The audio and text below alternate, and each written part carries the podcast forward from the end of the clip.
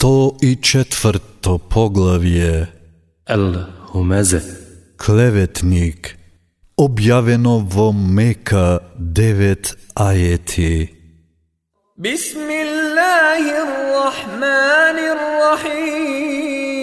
Во името на Аллах, смилосниот, милостивиот.